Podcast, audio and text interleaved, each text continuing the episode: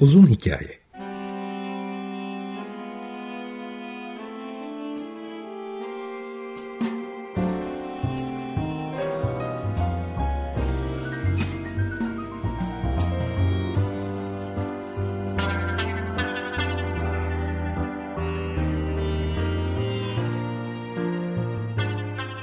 Hazırlayan ve sunan Muzaffer Çorlu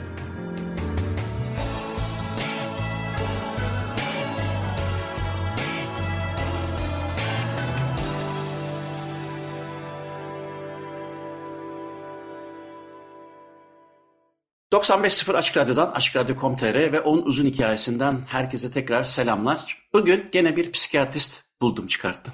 Daha önceki programlarımıza da e, katılmıştı e, adaşım Muzaffer. Muzaffer Kasar, psikiyatrist doktor. E, bugün ama kendisiyle iki önemli konuyu konuşmak istiyorum. Bir gene kavram kargaşasından kurtulmak için psikozu, hezeyanları ele alırız ama programın tamamına sanki böyle bir kognitif psikiyatri e, hakim olacak gibi de e, bakabiliriz. Çünkü özellikle Covid'in, koronanın iyileşen hatta semptomsuzlarda bile daha sonrasında gelişen enteresan e, kognitif süreçlerde bazı e, özellikle hafıza olmak üzere e, bazı e, yetersizlik ya da bozulma ya da değişiklikleri e, ben de son zamanlarda ilgili okuyorum. Zaten e, Muzaffer de e, bana e, yakın zamanda daha birkaç gün önce bu programda da ele alırız diye bir makale göndermişti. O makaleyi de okudum. Dersime çalıştım. O yüzden güzel sorularla karşındayım. Muzaffer önce hoş geldin. Hoş bulduk Muzaffer. Şimdi şöyle yapalım. Dilersen Birinci konu olarak belirlediğimiz psikoz, hezeyan ve aşırı inanma gibi belki tarif edebileceğimiz ya da isimlendirebileceğimiz konuları sen bir psikiyatrist olarak değerlendir. Önce hani kavramları bir netleştirelim. Sonra birbirlerine sıklıkla karıştırılan ve iç içe geçmiş, overlapping eden e, durumları var. Onları da aydınlatırız. Bu arada e, Muzaffer'le biz e, bundan e, aylar önce gene bir açık radyo programında melankoliyi, hafif depresyon, depresyonu ve bunların yaratıcılık üzerine, kognisyon üzerine etkilerini konuşmuştuk. O kayıt e, YouTube'da var görüntüsüz olarak bugünkü gibi değil. E, dolayısıyla e, ona da bakabilirsiniz ama başlayalım. Psikoz, hezeyanlar, aşırı kuvvetli inançlar gibi bunlar ne demektir? Neden psikiyatrinin konusudur öncelikle? Öyle başlayalım. Bu tabii e, oldukça geniş, geniş bir konu. Çünkü psikiyatriden felsefeye kadar uzanan bir çizgide bazen sosyolojiye hatta teolojiye kadar uzanabilir. O yüzden ne söylediğimi biraz daha dikkat etmem gereken bir Hı. konu. Çünkü e, felsefecilerin veya sosyologların veya başka alanlardan kişilerin bu konuyla ilgili yorumları farklı olabilir. Ve e, çokça da tartışılan bir konu psikiyatri camiasında. Neye psikoz diyoruz, neye hezeyan diyoruz, neye kuvvetli inanış diyoruz şeklinde. Öncelikle e, psikozdan başlayalım. Psikoz genel olarak klinik anlamda bir psikotik durumu tarif eder. Psikotik durum da genel olarak gerçekle bağın koptuğu e, durumlara denk gelir. Bu gerçekte durumun kopması şöyle şöyle bir şey olabilir. Bir kişi tamamen paran, paranoid bir durumda olabilir. Etrafında insanların kendisini takip ettiğini veya kendisini öldüreceğini veya e, bir takım çiplerle izlendiğini düşünüyor olabilir. E, ve bunun herhangi bir somut delili olmadan bunlara inanır. Elbette zaman zaman böyle popüler kültürde de bahsi geçen bir şey vardır. Yani paranoid olduğunuz e, takip edilmeniz anlamına gelmez diye. Elbette bunlar da olabilir ama bazen de bizim bizar hezeyan dediğimiz yani gerçekleşmesi hemen hiç mümkün olmayacak. Şu andaki mevcut fizik şartlarda gerçekleşmesi mümkün olmayacak e, durumlar da olabilir. O zaman e, bu kişinin psikotik olduğunu biraz daha e, rahatlıkla söyleyebilir klinikte gören kişi. Örneğin bir kişi der ki benim şu anda içimde bir atom reaktörü var ve birazdan patlayacak ve bu atom bombası her yeri yakacak gibi bir şey söyleyebilir. Ve bunu söylerken bir psikotik hastalık dediğimiz yani bu psikotik hastalıklar bir spektrum içindedir. En bilineni ve en çok vurgulananı şizofreni. Ama şizofreni dışında şizofreniye benzeyen e, ama tam da şizofreninin karakteristik özelliklerini göstermeyen bir takım psikotik hastalıklar da olabilir. Yine duygu durum bozukluklarında yani örneğin depresyonda veya bipolar bozukluğun depresyon veya mani evrelerinde kişiler psikotik yaşantılar tarif edebilirler. O yüzden psikoz e, çok geniş bir kavram klinik ortamda dahi. Ama tabii bu klinik ortamdaki psikotik yaşantılar veya psikotik deneyimler elbette bizim klinik de dememiz için bu kişinin e, hayatını derinden etkilemesi, işlevselliğini bozması, genel olarak sosyal hayatını, iş hayatını etkilemesini bekleriz. Ona göre buna bir klinik e, durum diye tarif ederiz. Ama zaman zaman bazı kişiler psikotik olabilirler ve e, gündelik hayatlarını çok da etkilemeyebilir. İşte o zaman e, çizgiyi nereye koyduğumuz konusu e, daha çok önem kazanıyor.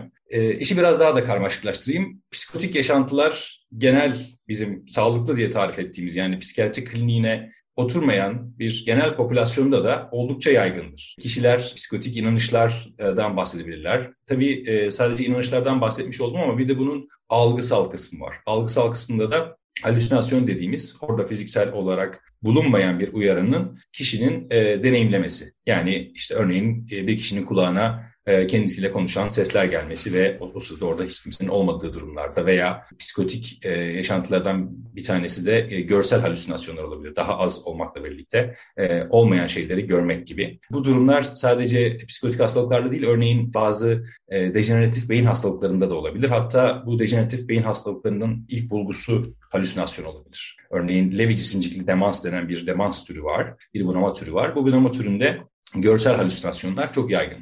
Dolayısıyla hani çok geniş bir kavram ve e, işin içine halüsinasyonları da koyduğumuz zaman, e, hezeyanları da koyduğumuz zaman e, bu inanışlar nerede çizgisini koyacağız. E, genel toplumda da çok yaygın olduğunu biliyoruz. O yüzden e, ciddi tartışmalara yol açabiliyor. Hani o zaman işte hastalık nedir, ruh sağlığı sorunu nedir ya da psikoz nedir re kadar gidecek e, sorular. İşte burada felsefeciler, sosyologlar devreye giriyor.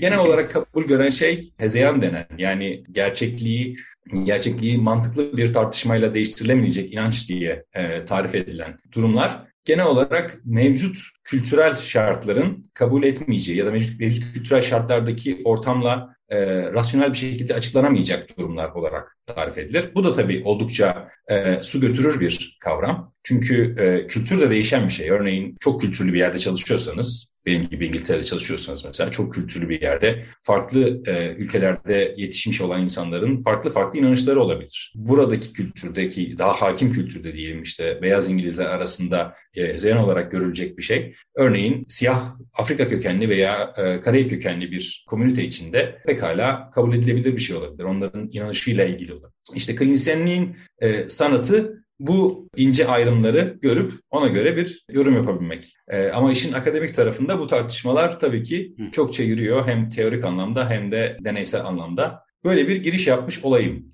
Gayet iyi bir giriş oldu. Benim şey dikkatimi çekti. Daha önce çok fazla altını çizmediğim bir konuydu. Ben bu konuları dinlerken de başka psikiyatristlerden hem Türkçe hem Flamanca, İngilizce dinlerken de çok az rastladığım bir şeyin altını iki kere çizdin. Dolayısıyla tesadüf olduğunu düşünmüyorum. Israrla hastalığı çiz yani nereye koyacağımız, normali diyelim tırnak içine nereye koyacağımızdan bahsederken iki kere hem teologlardan hem de e, felsefecilerden e, yararlanmak ya da onlarla bir, en azından bir tartışmak gerektiğini masaya koydun. Bu benim bu program için aklımda olmayan bir şeydi fakat çok dikkatimi çekti.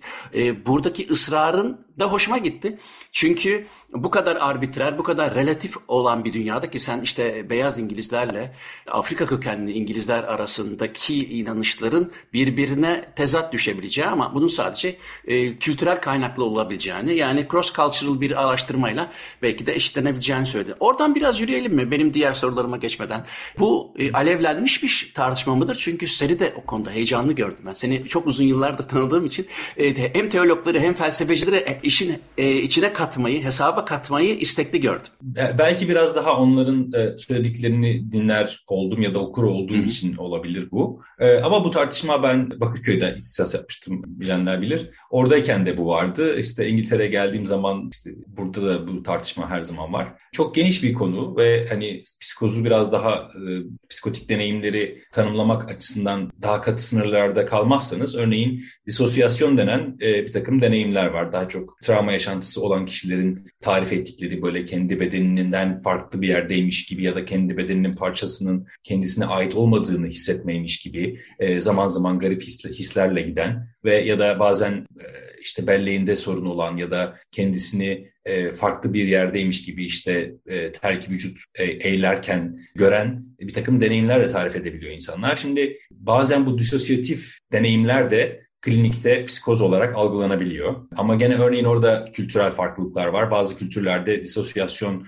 veya hatta işte bu vexed halleri biraz daha kabul edilebilir ve kültürel bağlamda bir e, noktaya oturur gözükürken bu daha çok hani Doğu toplumları için veya Batı Avrupa ve Batı toplumlarında olmayan şeyler olarak tarif ediyorum. Batı toplumlarında bunlar biraz daha garipsenen ve belki de işte o zaman psikoz mu acaba ya da bu e, ne diye denebilen deneyimler. Tabii şunu da söylemek lazım. Hani bunlardan e, bahsederken klinikte bizim en fazla incelediğimiz ya da en fazla üzerine durduğumuz nokta bunların bir anlamda tutarlı olmuş olması. Yani bir kez böyle bir deneyimin yaşanmış olması elbette önemlidir ya da klinikte gözleme bunun önemlidir ama bir durumun klinik durum olması için bir tutarlılığın olması ve e, sebatkar bir durum olması gerek. Yoksa e, gelip geçici bir takım işte e, psikotik deneyimler dediğim gibi toplumda birçok insan işte kulağına ses geldiğini veya bir takım hayaller gördüğünü söyleyebiliyor ya da zaman zaman bazı paranoid düşünceler yaşamış olabiliyor. Bazen etrafındakilerin kendisine kötülük yapacağını düşünmüş olabiliyor vesaire. Bunlar gelip geçici olduğu müddetçe çok klinik olarak değerlendirebileceğimiz şeyler değil. E, ama eğer bunlar bir uzun süreli bir e, örüntüye dönüşürse o zaman zaten genellikle kliniğe yansıyor. Ben peki o klinik tarafına gideyim şimdi. Mesela ben şey gerçekten merak ediyorum. Gerçek dışı olduğunu bilememenin herhangi bir şeyi, düşüncenin ya da objenin fark etmez. Gerçek dışı olup olmadığını düşünememenin, bilememenin ya da işte kavrayamamanın e, şimdi bir kognitif süreçleri olmalı. İki, beyinde yapısal bir takım e, sebepleri olmalı. Beyin bilmiyorum belki bazal ganglionlar mı, insula mı, o mu bu mu onları bir konuşabiliriz. Ya da belki de bir fonksiyonel sebeplerle olabilir. Şimdi hani belki de o çerçeveyi koymadan, psikoz, hezeyan, halüsinasyon diye bir şey koymadan sadece istatistik olarak tamam bu gerçektir denen şeye, gerçi onunla ilişki kuramayan kişi için bu kişide nasıl bir kognitif süreç, nasıl bir yapısal ve fonksiyonel durum e, beklenebilir? Ki oradan da bunun tedavisiyle ilgili belki e, bir noktaya varabiliriz. Şimdi bu konuyla ilgili aslında eh, nörobilim literatüründe en çok konuşulan ve tartışılan mevzu prediction error denen tam Türkçesini çevirmekte zorlanacağım bir kavram. Tahmin etme hatası. Daha çok e, tahmin etme hatası diyebiliriz ama şu şu çerçeveye dayanıyor. Aslında daha çok e, işte burada biraz daha e, felsefeyle yakınlaşan kısımlardan bir tanesi. Bu prediction error çalışmalarının çıkardığı sonuçlar bize aslında şöyle bir noktaya götürüyor. Diyor ki aslında biz beyin yani beynin en büyük işlevinin e, içinde yaşadığımız dünyanın bir modelini çıkarmak olduğunu öngören bir teorik altyapıdan bahsediyor. Ve bu bağlamda e, etrafımızdaki dünyanın modelini çıkartırken bir takım beklentilerimiz var. Yani prediction işte bu beklenti veya tahminlerimiz var. İşte ben şurada otururken elimin nerede olduğunu veya işte ayaklarımın nerede olduğuna dair bir fikrim var. Ya da kapıdan çıktığım zaman ne, neyle karşılaşacağımı, işte havanın karanlık mı aydınlık mı olduğu veya eve giden yolun nasıl olduğuna dair bir takım beklentilerim var. E, ve bu beklentiler, benim beklentilerim, benim beynimin dünyayı modellemesi durumla çakıştığı müddetçe prediction error olmuyor beyinde. Fakat e, burada bir sürpriz olursa, örneğin tam ben e, kapıdan çıktığımda köşeden birisi karşıma çıkarsa bu benim için çok e, beklenmedik bir durum olur. Ve böyle durumlarda genel olarak beyin bir yanıt veriyor. Özellikle bu e, orta beyin yapıları dediğimiz e, bölgelerde görüntüleme çalışmalarıyla ortaya çıkan bir bulgu. Bu anlar olduğu zaman yani biz bunu deneysel olarak modellediğimiz zaman bir beklenti yaratıp beklentiyle orta, örtüşmeyen bir uyaran verildiği zaman beyinde bir sinyal oluyor. Bu sinyalin adı da prediction error. Ha, özür dilerim sözünü kestim ama bu ERP'lerle, Hı. ERP yöntemiyle de ortaya çıkarılabilen e, bir şey mi? O düzeyde mi yoksa gene e, daha bir MR'la ortaya çıkarılabilecek iç bölümlerde mi bir değişiklik? Hem fonksiyonel hem fonksiyonel MR görüntüleme çalışmalarıyla ortaya konabilir. İşte e, orta beyinde e, özellikle e, kan akışının farklılaştığını gösterebiliriz tam e, prediction error olduğu sırada. E, bunu EEG olarak yani zamansal olarak bu e, fonksiyonel MR biliyorsunuz daha çok mekansal olarak iyi bir e, e, lokalizasyon verebilir. E, EEG çalışmaları da yani beyin e, elektrosu dediğimiz çalışmalarda da bunu olaya ilişkin potansiyel dediğimiz daha böyle milisaniyelerle hesaplayabileceğimiz şeylerde de gösterebiliriz. Tamam. Mesela tam olarak prediction error'la birebir örtüşmese de hani teknik bir tartışma ama Hı. örneğin e, mismatch negativity diye bir şey var. Yine bir paradigma verdiğiniz zaman kişilere bir belli bir ses frekansı verdiğiniz zaman aynı sesler giderken birden başka bir ses çıkıyor ve buna işte yaklaşık 150-200. E, milisaniye arasında bir yanıt gösteriyor beyin ve biz bunu EEG'den çıkartabiliyoruz. Örneğin bu da bir prediction error'a benzer bir şey. Yani bir siz ve sesin belli bir şekilde gideceğini düşünüyorsunuz ama birdenbire başka bir ses geldiği zaman beyniniz size buna otomatik olarak bir yanıt veriyor ve siz bunu e, beyinde ölçebiliyorsunuz. Şimdi hem bu EEG ölçümleri hem de MR çalışmalarındaki prediction error sinyalleri psikozu olan kişilerde küntleşmiş oluyor. Yani o beynin modellediği dünya karşılaştığı durumla uyuşmazsa oluşacak sürpriz durumu aynı şiddette yaşanmıyor. Dolayısıyla bu mevcut modellemenin bir şekilde bozulmasına, bir şekilde farklılaşmasına ve belki de onun üzerine eklenen bir takım başka başka e, deneyimlere yol açabiliyor. E, peki böyle bir durumda şimdi belki biraz sap, sapabilir e, doğru anladıysam. Fakat şunu sormak istiyorum. Böyle bir durumda olan kişi ki birebir tanıdıklarım da var fakat e, dönemsel olabilme ihtimali var mı? Yani bunları yani rüya aleminde yaşama gibi ya da gerçekle tamamen kopma gibi fakat zaman zaman da tekrar geriye dönme. Yani git gelleri olabilir mi böyle bir durumun? Evet, tabii şimdi bu bu e, çalışmalar fizyopatolojisini anlamak için acaba bunun işte beyinde bir karşılığı var mı? Bunu anlamakla ilgili bir şey. E, dönem dönemsel durumlar bunu değiştirebilir. Yani siz bu çalışmayı yaptığınız zaman, o deneyi yaptığınız zaman o kişinin o, o sıradaki durumu la bağlı olabilir. Hani bazen işte en belirtilerin, hastalık belirtilerinin en fazla olduğu dönemde ölçülmesiyle hastalık belirtileri iyileştikten sonra ölçülmesi arasında farklılıklar görülebilir. Ve bunlar da işte işin daha çok klinik tartışmaları. Hani neyi nerede nasıl sınıflandırıyoruz? İşte iyileşmeye neye diyoruz ya da işte bu tür araçlar bizim iyileşmeyi öngörmemize faydası olur mu gibi durumlar da var ama örneğin biraz önce bahsettiğim örneklerde işte şizofreni hastalığı olup akut dönemde işte e, belirtilerin en belirgin olduğu dönemde olmadığı halde e, bu tür beyin süreçlerindeki değişimler kişilerde saptanmış olabiliyor. Yani bu da işte acaba o sorunların ortaya çıkmasında bu tür bir beyin altyapısında bir sorun var mı e, sorusunu bize sorduruyor. Hı hı. O zaman bu konuyla ilgili son sorum şu olsun. Böyle bir durumda hı hı. E, tabii nedenlerine bağlı olarak değişen ilaç uygulamalarında aklıma şey geliyor. Örneğin akut durumdayken ya da dilken kullanılan ilaçlar o zaman semptomatik mi oluyor ya da preventif mi oluyor? Yani o e, belirtileri ortadan kaybettirmek için mi ya da e, bu belirtiler hiç ortaya çıkmasın diye mi ee, öyle bir öyle bir politika güdülüyor mu daha doğrusu sizin alanınızda? Bu da muhtemelen cevabı çok uzun bir soru ama genel olarak psikoz tedavisinde diyelim amaç bu psikotik belirtilerin olabildiğince e, azaltılması ve bu e, psikotik belirtilerin yükünün kişiden alınması. Ancak tabii psikotik belirtiler dışında da bazen başka sorunlar olabiliyor. İşte örneğin e, gündelik hayatını sürdürmeyle ilgili işlev sorunları olabiliyor. Belki o zaman e, ilaç dışındaki diğer rehabilitasyon aktivitelerinin e, önemi de büyük oluyor. Ya da örneğin bilişsel sorunlar yaşayabiliyor şizofreni hastaları veya psikoz hastaları. O zaman da e, bilişsel rehabilitasyon yöntemlerinin belki gündeme gelmesi gerekebiliyor. Yani biraz önce bahsettiğim örnekler hani yine çok çeşitli çalışmalar var. Bazı çalışmalarda ilaç kullanımının buna etkili etkilediği, bazı çalışmalarda ilaç kullanımının bunu etkilemediği gösterilmiş. Örneğin e, fMRI çalışmasındaki e, prediction error sinyallerinin e, dopamin üzerinden etki eden e, ilaçlarla veya dopamin üzerinden etki eden başka kimyasal maddelerle değiştirilebildiği gösteriyor. Yani bu sadece e, hastalığı olan kişilerde değil, sağlıklı kişilerde de eğer bir dopamini arttıran bir ilaç verirseniz yine bu prediction error e, sürecindeki değişimleri gösterebiliyorsunuz. Hı hı. Peki o zaman şimdi bir müzik arası verelim.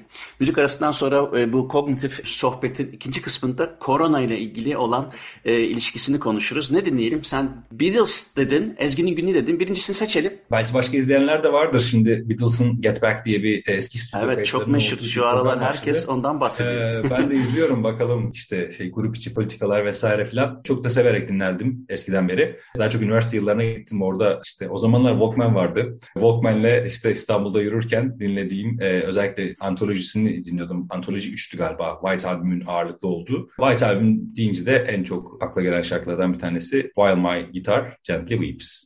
Tamam onu deneyelim Beatles'tan sonra devam edeceğiz.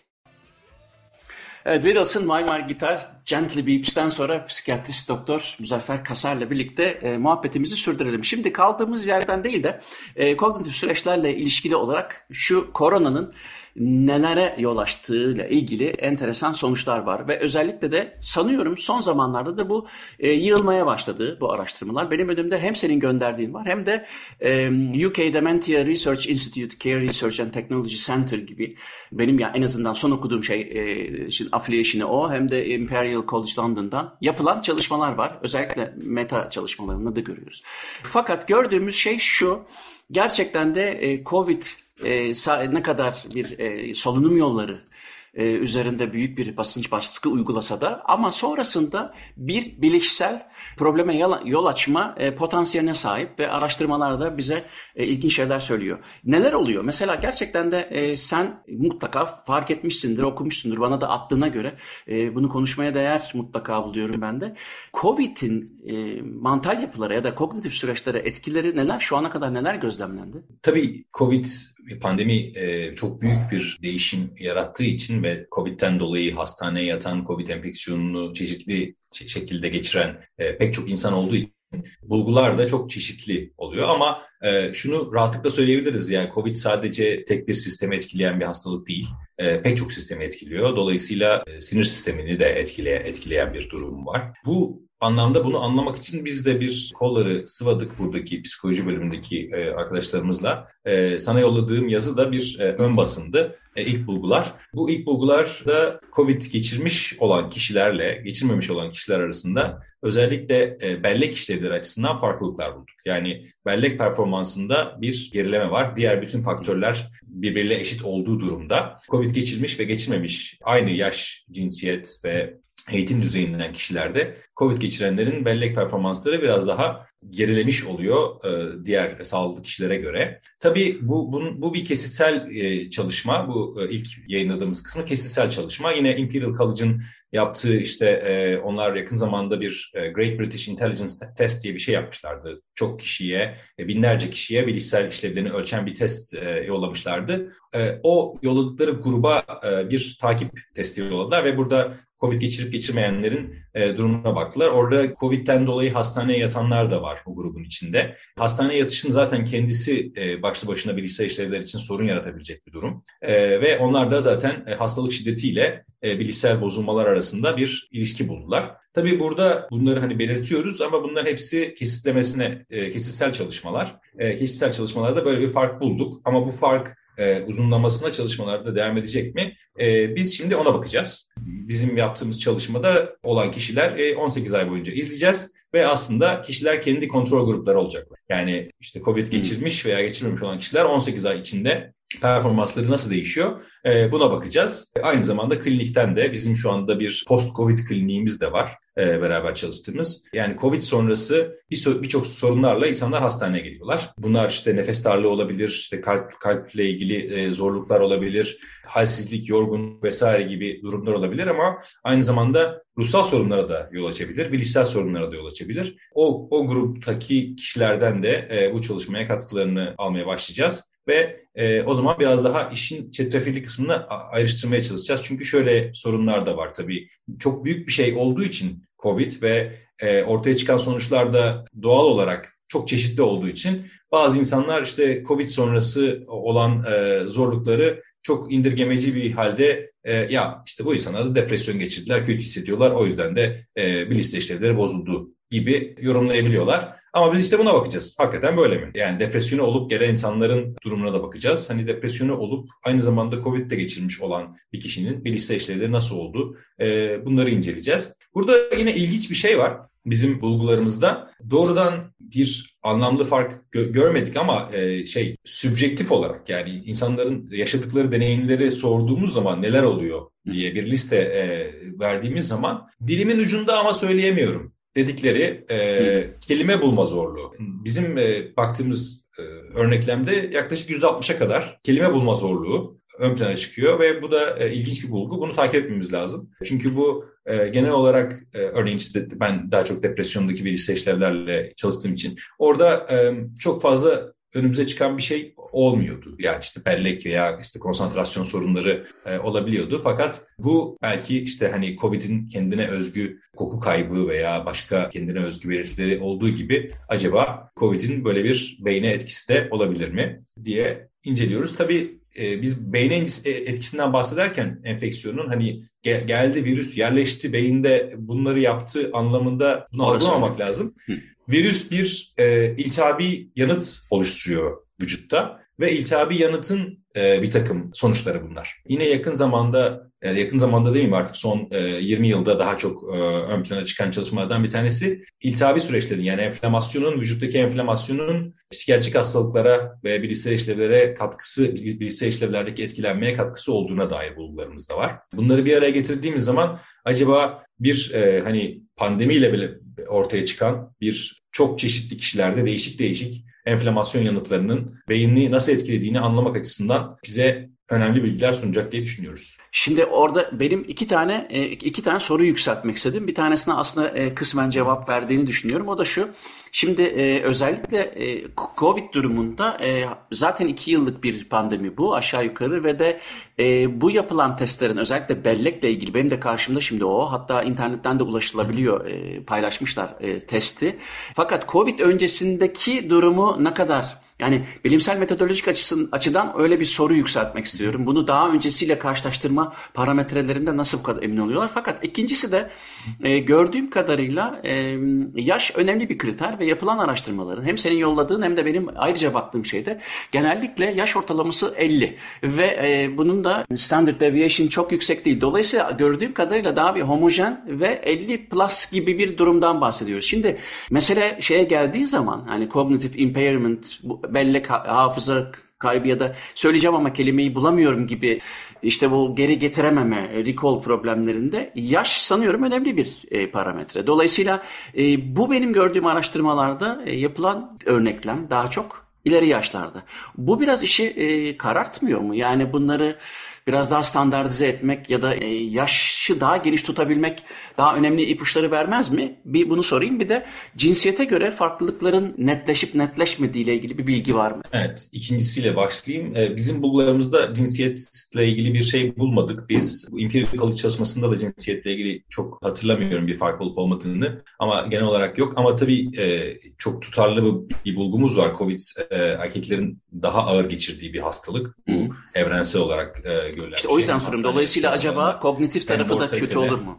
E, yani işte şöyle bir şey olabiliyor. Tabii e, onları kontrol ettikleri zaman e, muhtemelen birbirlerini dengeleyen bulgular ortaya çıkabiliyor. E, yaş gruplarıyla ilgili, farklı farklı gruplarla ilgili şu anda devam eden çalışmalar var. E, benim doğrudan içinde olmadığım ama bildiğim çalışmalar var. E, onlarla ilgili bulgular daha fazla ortaya çıkacak. Özellikle hastaneye yatmış olan gruptan e, daha detaylı bir e, bilişsel test ve takip çalışması yapılacak. Hani Cambridge'deki e, bir grubun da içinde olduğu bir çalışma var. O yüzden o grupla ilgili daha fazla öğreneceğiz. Yani burada geniş tutmaktan ziyade belki grupları dar tutmak daha iyi olabilir. Çünkü 20 yaşında COVID geçirmiş birinin daha sonra belirttiği bilişsel sorunlarla 60-70 yaşında birinin e, belki hastaneye yattığı durumda e, ondan sonra çıkışta e, belirttiği e, bilişsel fonksiyonlar arasında zaten fark var. Zaten fizyolojik olarak da 20 yaşla 70 yaş arasında bilişsel işlevler arasında fark olduğunu da biliyoruz. Yani örneğin dikkat, bellek gibi işlevlerin bir kısmı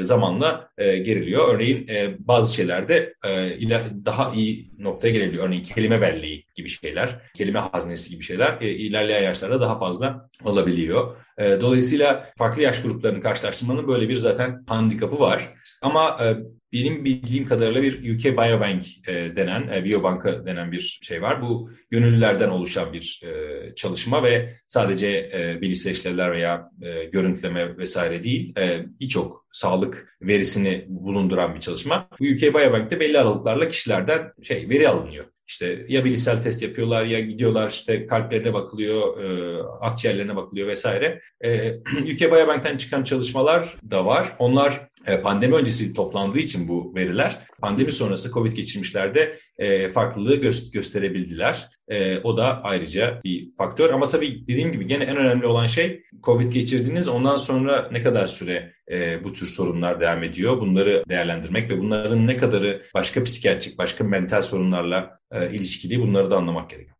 Şimdi aşağı yukarı yapılan bu araştırmalarda yaş ortalamasının 50 olduğu düşünülürse onu ben kerteriz alırsam şunu görüyorum. Şimdi 50 yaşındaki 50 yaş ortalaması yani aşağı yukarı 1960'larda doğmuş e, kişilerin ben de dahil olmak üzere o grupta e, İkinci Dünya Savaşı görmedik. Soğuk Savaşı zaten biz anlayana kadar başka okuyorduk falan diyelim. Fakat o pandemi çok ciddi bir yani böyle game changer denen bir şeyle karşılaştık. Hiçbir zaman. Çünkü 1930'larda doğmuş kişiler şeyi 2. Dünya Savaşı'ndaki zorlukları anlatabilir ya da Kore Savaşı'nı anlatabilir, başka şeyleri anlatabilir. Yani e, işe gidememek, yani benim yaşadığım en radikal şey belki senin de öyledir eğer o zaman İstanbul'daysan 99 depreminde e, cidden yıllarca süren bir e, tedirginliğe yol açtı ve de e, bir sürü şey, yeni şeyler öğrendik fakat e, olumlu olumsuz bir sürü emosyon da geliştirdik. Şimdi şunu sormak istiyorum. Bu 50 yaş ortalamasındaki kişilerin hayatındaki en önemli değişiklikler hani kişisel bazda almayalım ama topyekün hepsinin ortak noktası şu. İlk defa e, okula gidemediler. Okula çocukları, torunları okula gidemedi. Kendileri işe giremediler. Evden çalışmak zorunda kaldılar. Yani Covid'in iki yıldır yaptığı inanılmaz bir radikal hayat değişikliği, pratik değişikliği, ritüel değişikliği var. Dolayısıyla e, bu ortaya çıkan kognitif değişikliklerin ki çoğunun e, pozitif olmadığını görüyor, görüyoruz. E, böyle bir hayat pratiği değişikliğiyle de açıkladı. Yani bunu nasıl eliyoruz? Bu faktörü e, insanların birdenbire hayatlarını radikal olarak değiştirmek zorunda kalışlarını ki sen depresyonda bu tür bellek sorunlarının yani kognitif e, problemlerin olup olamayacağından da bahsettin ama bu parametreyi nasıl eliyoruz? Yani neden sadece hani bu virüsün yol açtığı kognitif sonuçlar diye bakmaktan e, ziyade bu parametreyi de hesaba katmak zorunda biz ya da nasıl eliyoruz diyelim. E, yani bunun da sonucunu şimdi benim e, Finlandiya ile beraber yaptığım e, Finlandiya'daki bir kohort çalışmasında bunu e, incelemeye çalışıyoruz. Daha detaylı bir e, anket çalışması yaptık orada. Covid sonrası neler değişti hayatınızda ve bu e, şöyle bir grupla yapılıyor. Doğduğundan beri takip edilen e, Finlandiya'nın Kuzey Finlandiya'da Oğlu ve Lapland eyaletlerinde 1966 doğumlular. Tam da senin bahsettiğin 50 e, küsür yaş grubu. Bu grubun e, takip edildiği bir çalışma var. E, onlar aynı yılda doğdukları için, hemen hemen aynı şartlarda doğdukları için görece daha homojen bir grup. Örneğin biraz önce örneğini verdiğim UK Biobank grubu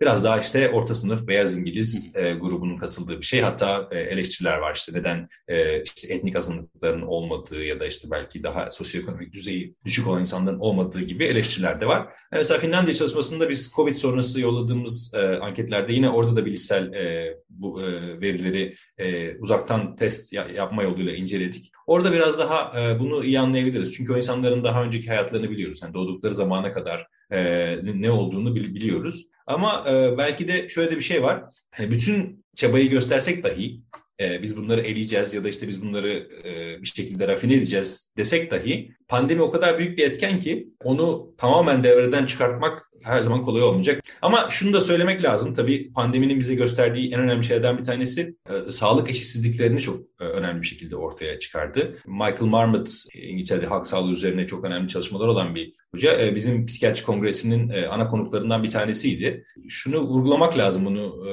hani e, nörobilim tarafında çok e, vurgu yaptık ama COVID büyük bir büyüteç gibi. Yani bir örneğin e, Londra'da veya başka yerde bir sosyoekonomik eşitsizlik varsa onu 3 kat, 5 kat bazı yerlerde e, onlarca kat arttırdı. Yani e, hayat şartları, sağlığa erişimi, işte bunun içinde bilgisayar işlevlerini veya e, kalp sağlığını da koyabilirsiniz. Her şeyi koyabilirsiniz. E, sağlıkla ilgili iyi hizmet alamayan insanların pandemiden etkilenmesi daha da ağır bir duruma dönüştü. Yani e, dezavantajlı olanlar daha da dezavantajlı e, olmuş oldu. Dolayısıyla hani e, yaş anlamında herkesi etkileyen çok büyük bir olay diyoruz ama şunu da hatırlamamız gerekir. Covid herkesi aynı şekilde etkilemedi ve e, örneğin İngiltere'nin bazı bölgelerinde eşitsizlikler, e, bölgeler arası eşitsizlikler çok fazla olduğu için e, bu rakamlar da çok daha çarpıcı bir şekilde karşımıza çıktı. Hem hastalık hem ölüm e, oranları açısından karşımıza çıktı. Tabii e,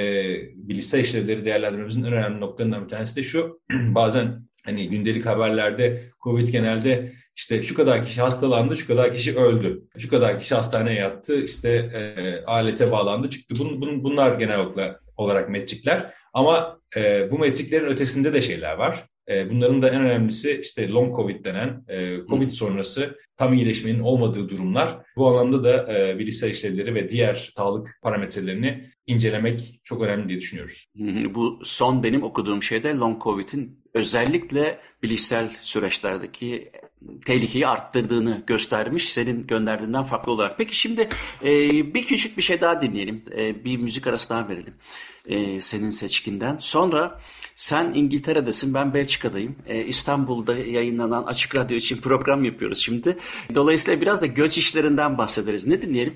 Yani bu biraz belki şöyle klişe olacak ama e, şey özellikle e, Türkiye'ye uzun zaman gideme, gidemediğin zamanlarda bazen işte e, yolda giderken ya ben bisiklete e, kulaklığımı takıyorum orada dinliyorum ya da işte arabada giderken dinliyorum filan. E, memleket e, şarkıları daha fazla dinlenmeye başlıyor. E, öyle zaman zaman e, bir e, ataklar olabiliyor. E, yakın zamanda gene öyle bir şey oldu ve bazen de bazı şarkılar böyle bir loop'a giriyor. Ben de loop'a giren şarkıları biraz daha üzerine düşünüyorum. Çünkü diyorum ki neden bu kadar ben bu şarkıyı üst üste dinlemek istedim. Tam da işte bu seninle konuştuğumuz zaman e, loop'a giren şarkılardan bir tanesi. Ezgi'nin Günlüğü grubunun ilk konser kaydından e, Laçın diye bir türkü. Çok defalarca dinledim yakın zamanlarda. O yüzden bir manası vardır diyerek burada hmm. herkesle paylaşmak. Var var şey biliyor duymuşsundur bilmiyorum bir psikiyatrist olarak. Ee, NMD duymamışsındır muhtemelen. Ona biz e, nöromüzikolojik disorder diyoruz. Yani memleket hasretiyle loop'a girme sendromu. Ezgi'nin günlüğünden Laçin'i dinleyelim sonra devam edeceğiz. Ezgi'nin günlüğünden Laçin'i dinledik. E, psikiyatrist doktor e, Muzaffer Kaser'le birlikte bugün hem psikozu, hezeyanları, halüsinasyonları konuştuk. Biraz da tabii ki COVID'in, uzun COVID ya da long COVID'in başta olmak üzere e, bilişsel süreçlere nasıl etki edebileceğini, e, yapılan çalışmaların ne durumda olduğunu biraz öğrenmiş olduk. Son kısma da e, şu konuyu bıraktım ben. Son zamanlarda özellikle İngiltere başta olmak üzere Türkiye'den e, inanılmaz bir tıp doktoru göçü var. Tabii bizim e, gibi nöromüzikolojik doktorlar da gidiyor ama e, özellikle tıp doktoru e, çok ciddi bir patlama. Şimdi o konuyu en iyi senin bileceğini düşünüyorumdur ya da çok sıcak bir konu olduğunu biliyorum. E, hakikaten şey mi e, Türkiye açısından kaygı verici bir durum mu ya da nedir neler sebep olmaktadır? İstatistikler nelerdir? Çok merak ediyorum. Ee, evet çok sıcak bir konu. Nereye dönsem şu anda bütün haber e, kanalları işte daha dün BBC Türkçe'nin bir haberi vardı. Ondan önce Welle yaptı. Bir, bir sürü e, kanalda bu önemli bir haber. Çünkü hakikaten kayda değer bir kayda değer bir göç durumundan bahsediyoruz. E, elbette kaygı verici ki için çünkü e, Türkiye'de hekimlerin çalışma şartları e, maalesef kötüye gidiyor. E, sağlıklı dönüşüm programı sonrası çok etkilenen bir grup oldu hekimler e, ve bu e, durum e, maalesef e, her geçen yıl daha kötüye gitti. Ben tabii şuradan daha çok bunu takip ediyorum. Bir, birincisi e, bana gelen e-mail sıklığından e, takip ediyorum. E, şu sıralar elbette daha da fazla olmaya başladı bana gelen e-mailler. Hocam nasıl yaparız, nasıl geliriz, ben psikiyatrist olmak istiyorum. Yani bu e, tıp öğrencisinden e, işte e, 15-20 yıllık uzmana kadar uzanan bir e, çizgide e, çok fazla kişinin e, soğurduğu bir durum. Türkiye dışında çalışmak için bir iyi, iyi hal belgesi almak gerek Türk Tabipler Birliği'nden. Sanıyorum istatistiklere göre 2012 yılında bu rakam 59'muş. 59 kişi demiş ki bana iyi hal belgesi verin ben şunu Yıllık. Diyorum. Yıllık evet. 2021'de bu rakam 1250'ye çıkmış. Yani bu e, durumu gösteren bir şey. E, zaten İngiltere'deki İngiltere'deki hekimlik lisansı e, listesinde bu kamusal olarak herkesin erişebildiği bir rakam. İngiltere'den hekimlik lisansı alanların e, sayısı da yıllar içinde ivmelenerek artıyor. En son baktığımda e, 457 bu da işte yani birkaç yıl önce 50-60 civarındayken 7-8 yıl önce 60 civarındayken buralara kadar e, gelmiş gözüküyor. Hikayeler çok benzer e, maalesef benzer. E, insanlar e, daha iyi şartlarda hekimlik yapmak istiyorlar. Çünkü e, hekimlik çok emek yoğun bir iş ve uzun süre eğitim aldıktan sonra bunu en iyi şartlarda yapmak istiyorlar ve hekimler genel olarak meslek e, algıları yüksek ve e, kendi, kendi kimlikleri anlamında e, hekimlik önemli bir e, duygu ve bunu istedikleri gibi yapamadıkları nokta onlar için çok e, zedeleyici olabiliyor. E, dolayısıyla e, arayışa giriyorlar. Elbette ekonomik durumların da e, giderek kötüleşmesi bunun üzerine tuz biber oldu ve e, hekimliğini başka yerde e, yapabilmenin yollarını arıyorlar. Bir de e, şunu da vurgulamak lazım. E, belki niye, hani niye önce olmadı şimdi oldu. Tabii hani sosyoekonomik şeyler olabilir ama bir de benim gördüğüm bir kartopu etkisi var. E, şöyle ki e, sizin e, etrafınızda hiç giden olmazsa belki siz bu böyle bir ihtimalin olduğunu düşünmeyebilirsiniz. E ama bakıyorsunuz e, işte e, ihtisas yaptığınız yerden birisi gitmiş, Aa, onun arkadaşı gitmiş ve e, sosyal medyanın imkanları da çok fazla insanlara yolları açmış oldu. Şu anda internete girdiğiniz zaman e, YouTube'da e, bir sürü e, bu konuyla ilgili bilgi videosu görebilirsiniz. Hem İngilizce hem Türkçe ya da ne, ne, hangi, hangi nereye gitmek isterseniz e, orayla ilgili bilgi videosu alabilirsiniz. E, ama tabii özünde e, göç zor bir şey e, zor olduğu kadar e, sebat gerektiren bir şey. Yani belki de yani burada tabii taraflı konuşuyor gibi oluyorum ama hani kendimi ön plana çıkarmak gibi olmasın ama göç edenler genellikle belli bir eşiği geçmiş oluyorlar. Yani o göçün zorluğuna katlanıp bu karmaşık süreçlerden geçebilen insanlar göç etmiş oluyorlar. Dolayısıyla bu insanların e, görece daha nasıl diyeyim iş bilir ve becerikli olduğunu da düşünebiliriz. Ve Türkiye'deki hani sayılardan ziyade e, niteliği yüksek olan hekimlerin e, yurt dışına gittiğini öngörebiliriz burada. Burada tabii üzücü olan şey şu ben e, kendi alanımdan da biliyorum ama mühendislik alanlarından da biliyorum. Yani Türkiye'de e, her üniversiteyi kastedemem ama hani iyi diye bilinen üniversitelerin mühendislik bölümlerinden e, master ya da doktora derecesi almış olan insanların şu anda ki şimdi yaşadığım 12 yıldır yaşadığım ülkede yani Belçika'da e, çok arttı sayısı. E, kendi alanımda da öyle. Fakat e, enteresan olan şu. Bir kişinin ben tabii doktoramı e, yıllar önce burada Belçika'da yaptığım için kendimi katamıyorum buraya ama gördüğüm kadarıyla Türkiye'de yapıp da gelenlerin e, hiçbir eksiği yok. Yani e, her üniversiteyi kastetmiyorum ama işte dediğim gibi daha iyice olan üniversitelerden eğitim alıp gelenler için şimdi Belçika'nın karını düşünüyorum yüz binlerce euro yatırım yapmıyor. Çünkü bana yaptı. Çünkü ben doktorum burada yaptım. Yani ona göre maaş ödüyor, ona göre bir şeyler yaptı. Sonrası onun postoku var, şusu var, busu var. Fakat bunların hepsinden muaf yani e, hazır dört başı mamur bir anahtar teslim bir e, bilim insanı geliyor e, Avrupa'daki bir ülkeye. Tıp doktoru olabilir ya da başka alanda bir uzmanlığı olabilir, doktorası olabilir.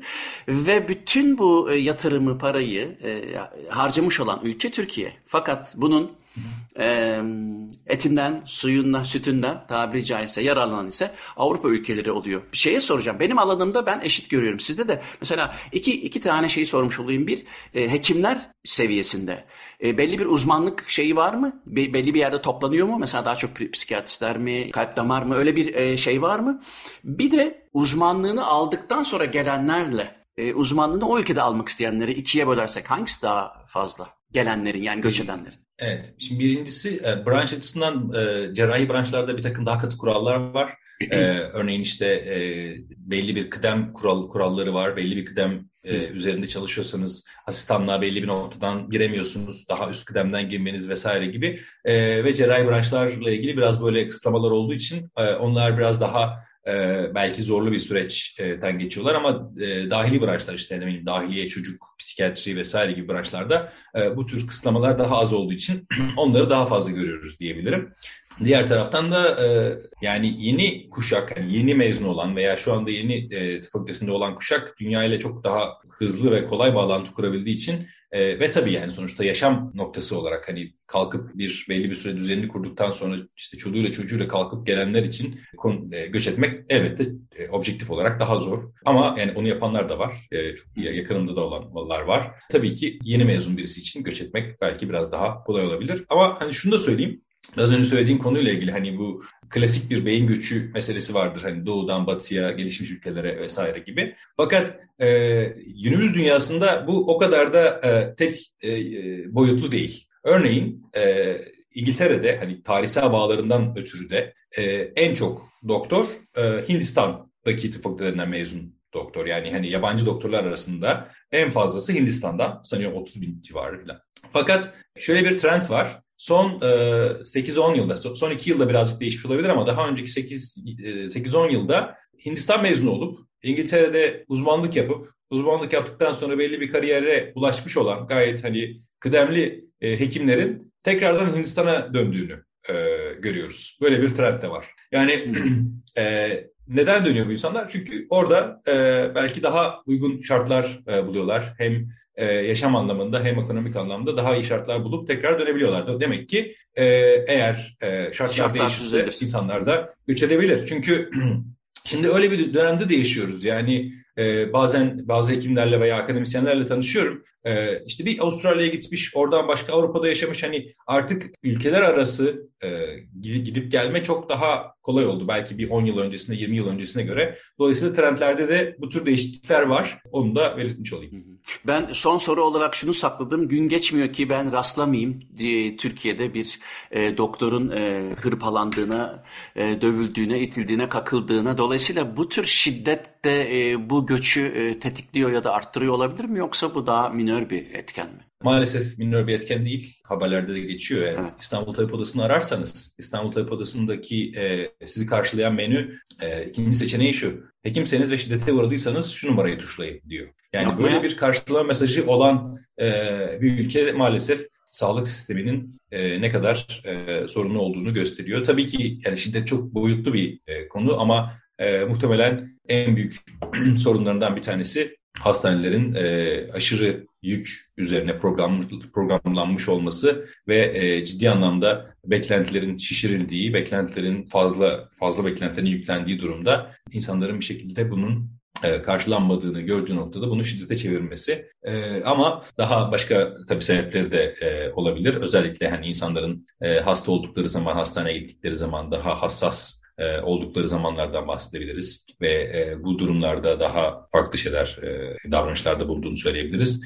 Yine caydırıcı cezaların olmaması önemli bir faktör. Ee, yani biz daha önce çok e, mahkemelere gittik arkadaşlarımızın davalarına destek olmak için. E, maalesef bunlar giderek artıyor fakat e, caydırıcı ceza istisnai durumlar dışında pek çıkmıyor ve tabip odaları bununla ilgili çok uğraşıyorlar. Hukuk büroları e, büyük çalışmalar yapıyorlar ama bunun e, yasa yapıcılar tarafından da ortaya konması gerekiyor. Hepsi bir araya gelince e, tabii e, insanların hani o karar verme aşamasında e, maalesef e, şiddet hikayeleri ki şiddet hikayesini duymamış olan veya maruz kalmamış olan hekim olmadığını düşünüyorum e, Türkiye'de. En azından e, kendisi maruz kalmasa dahi e, birinci halkasında ilk temas ettiği insanlarda mutlaka şiddete maruz kalmış. Fiziksel veya sözel şiddete maruz kalmış e, hekimler vardır. Bu e, maalesef iyi bir tablo değil.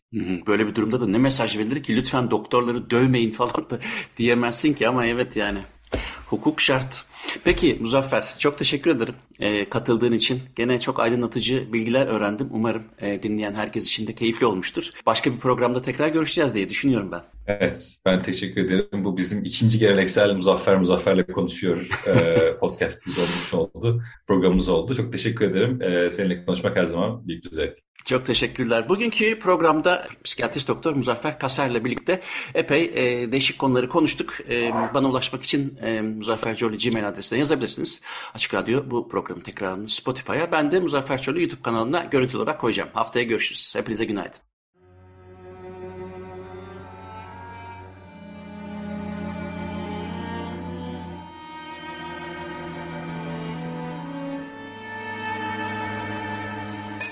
Uzun Hikaye.